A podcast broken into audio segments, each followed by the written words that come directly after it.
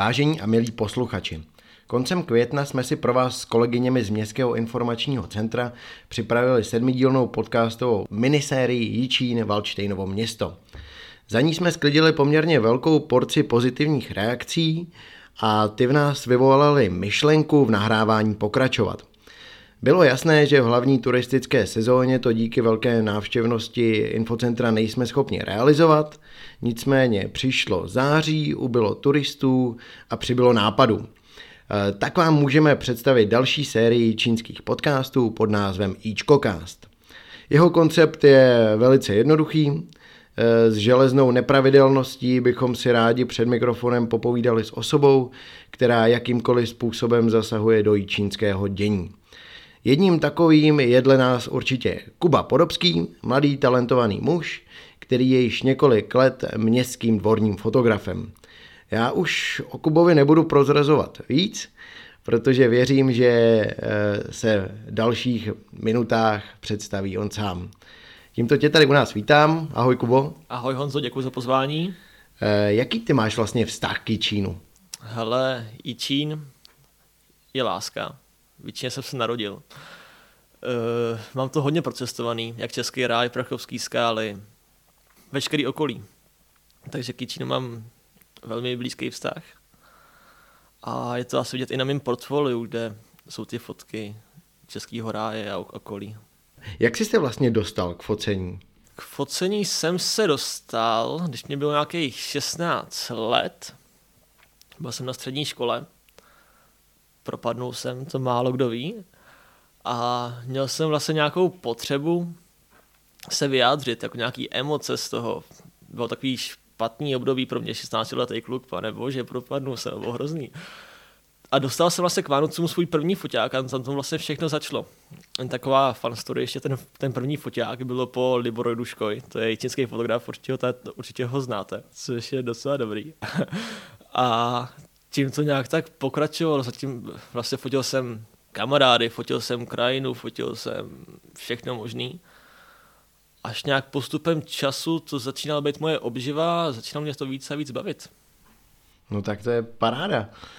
E, ty to máš vlastně i tak trochu v rodině? Taťka kameraman. Ano, ano, ano. Sestře se povedlo natočit film teďka v Anglii. Ano, ano, ano. U toho taky spolupracuješ? Taťka je vlastně kameraman, jak jsi zmínil, je to tak. Vlastně byl takový přirozený vývoj.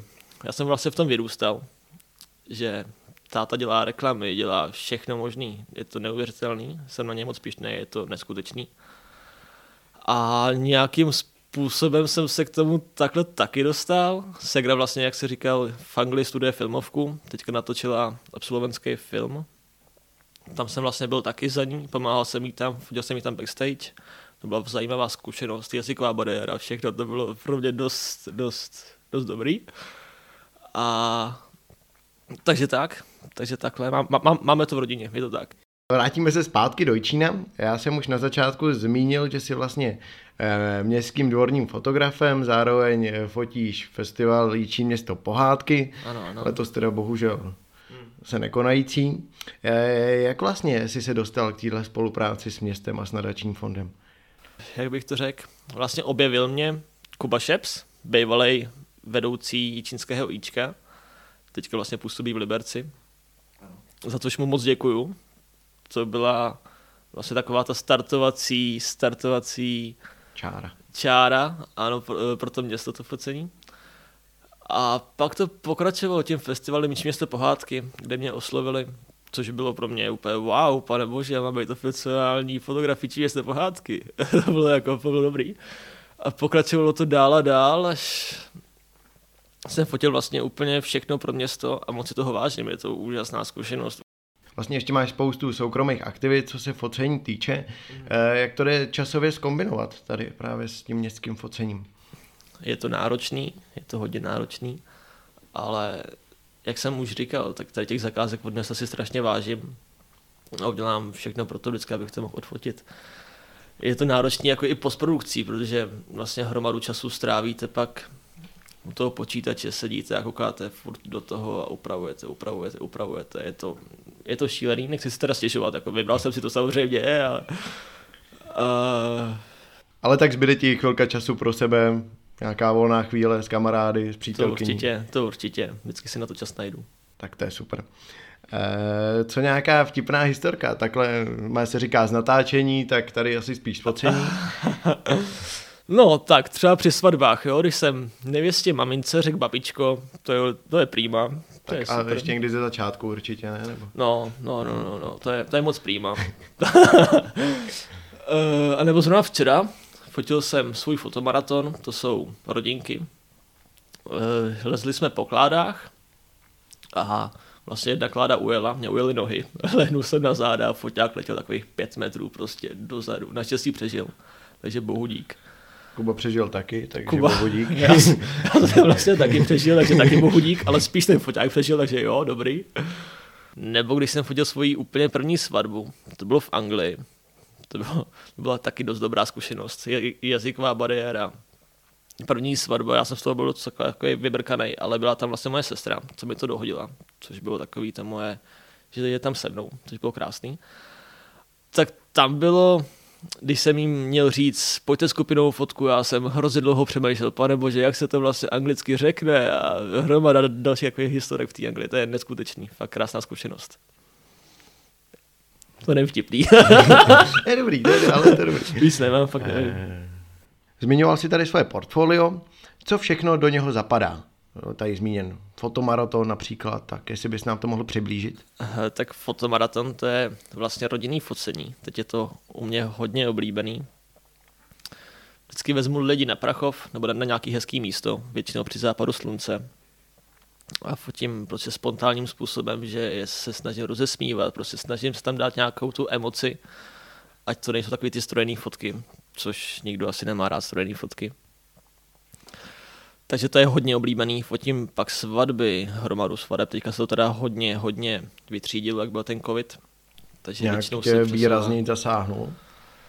No, byl jsem tři měsíce bez zakázek, takže, takže jo, dr, držel mě vlastně prodej obrazů, asi co jsem tady fotil, takže to se hodně prodávalo, což bylo pecka. A hodně poukazů jsem prodal, což děkuji lidem, že se to v té době kupovali, což bylo krásný, což mě docela drželo, měl jsem co jíst. Nebudu se tady stěžovat.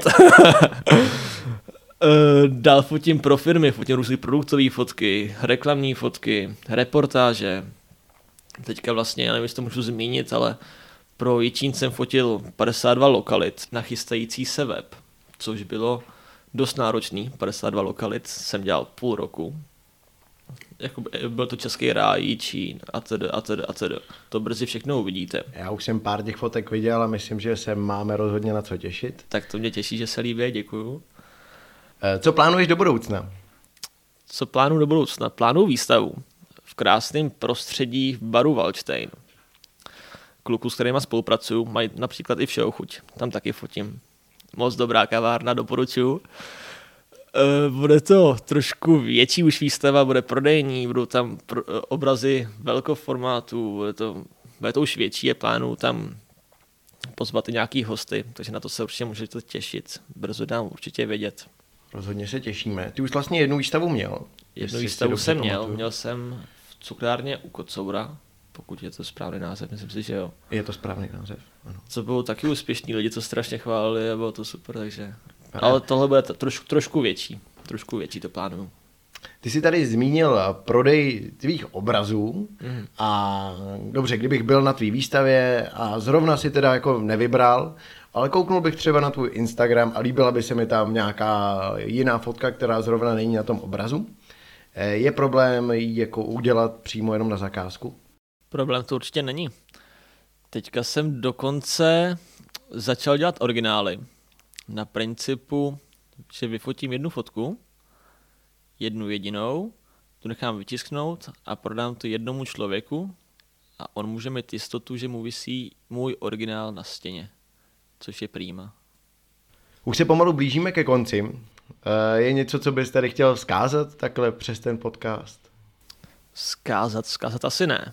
Jen bych chtěl asi poděkovat mýmu okolí, přítelkyni Denisce, že to se mnou zvládá.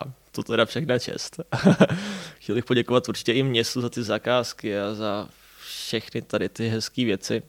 Jíčku, tobě Honzo bych chtěl poděkovat Kubovi Šepsovi, že mě takhle hezky vytáhnul. A určitě doražte na moji výstavu. Bude to dobrý. No já už se těším teďka. Ale já ohromně děkuji tobě, že jsi dneska na nás udělal čas, že jsi přišel a pomohl si nám odstartovat tady tu druhou podcastovou sérii. Já taky děkuji. Tři dny jsem z toho nespal, ale bylo to s vámi prýma. Děkuji.